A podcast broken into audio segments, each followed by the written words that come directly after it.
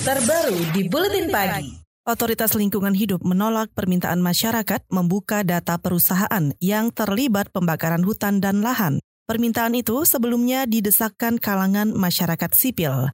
Juru bicara Kementerian Lingkungan Hidup dan Kehutanan Jati Wicaksono mengatakan pengumuman identitas korporasi yang diduga terlibat tidak bisa sembarangan karena kasus masih dalam penyidikan yang bersifat tertutup dan rahasia. Keterbukaan informasi publik itu ada hal-hal yang sifatnya terbuka, ada sifatnya yang dikecualikan. Kalau yang namanya yang dikecualikan berarti ini aja menyangkut rahasia negara, ada yang masih dalam proses penyidikan, penyelidikan. Nah, itu termasuk yang dikecualikan. Jadi bukannya kita tidak mau membuka, tapi ini masih dalam proses penyidikan. Kita pun biasanya nyebut inisial gitu, belum boleh nyebut PT-nya orangnya apalagi kalau kita nyebut orangnya orangnya kabur besok gimana? Juru bicara Kementerian Lingkungan Hidup Jati Wicaksono mengatakan jika pemerintah salah mengumumkan identitas korporasi pelaku karhutla, maka pemerintah bakal menghadapi konsekuensi hukum.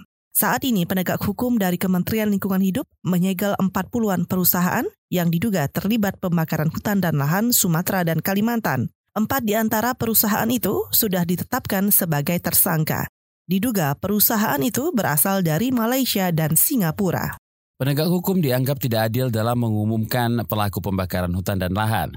Direktur Eksekutif LSM Lingkungan Walhi Riau, Riko Kurniawan, mengatakan selama ini penegak hukum langsung mengumumkan identitas perorangan yang diduga membakar hutan dan lahan, sedangkan jika kooperasi yang terlibat identitasnya disembunyikan selama ini kan mereka selalu berasal tadi saya bilang tadi karena masih proses hukum. Yang begitu itu tuh. Tapi kalau untuk masyarakat mereka terbuka mbak yang perorangan jadi itu kita lihat tidak adilannya bahkan untuk masyarakat belum masih tersangka dan diperiksa masyarakat itu sudah dipenjara itu tadi Direktur Eksekutif Walhi Riau Riko Kurniawan.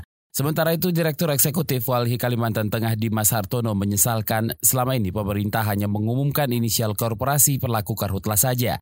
Bukan saja terduga pelaku tahun ini, tapi juga pelaku pembakar hutan dan lahan di tahun 2015 yang sudah diputus bersalah oleh Mahkamah Agung. Komitmen pemerintah menindak tegas korporasi pelaku karhutla dinilai masih sangat rendah.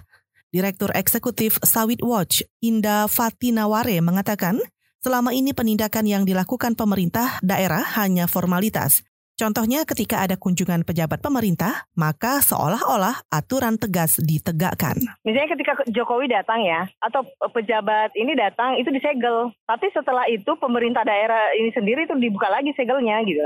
Hanya mau bilang bahwa ada penindakan. Ya, mestinya kalau ada penegakan hukum, itu kan tidak terjadi lagi ya kebakaran ini. Karena ini kan tidak bukan hanya lima tahun ini, itu dari tahun 97 dan berulang sampai sekarang. Direktur Eksekutif Sawit Watch, Indah Fatinaware menambahkan, masalah karhutla bukan hanya tentang pelaku perseorangan maupun korporasi jahat saja, tapi juga Kementerian Lingkungan Hidup dan Kehutanan serta Badan Restorasi Gambut yang gagal menangani karhutla. Para ahli menilai aparat penegak hukum mengusut kejahatan pembakaran hutan dan lahan secara hati-hati dan tidak terburu-buru. Ahli hukum kehutanan dari Institut Pertanian Bogor IPB, Bambang Hero mengatakan, kebakaran hutan dan lahan merupakan kejahatan luar biasa.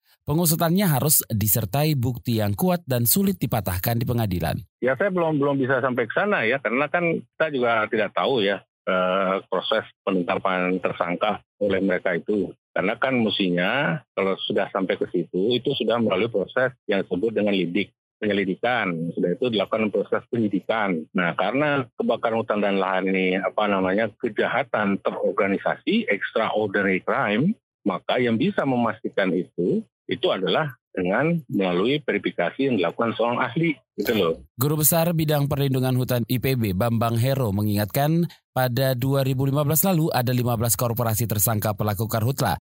Namun proses hukumnya diberhentikan dengan alasan kurangnya alat bukti. Bambang juga mendesak pelaku karhutla dijerat dengan Undang-Undang Lingkungan Hidup karena pernah kejadian di Kalimantan Tengah pelaku perseorangan hanya difonis melanggar peraturan daerah dan difonis 3 sampai 5 bulan penjara saja. Akibatnya tidak ada efek jerah. KBR, inspiratif, terpercaya.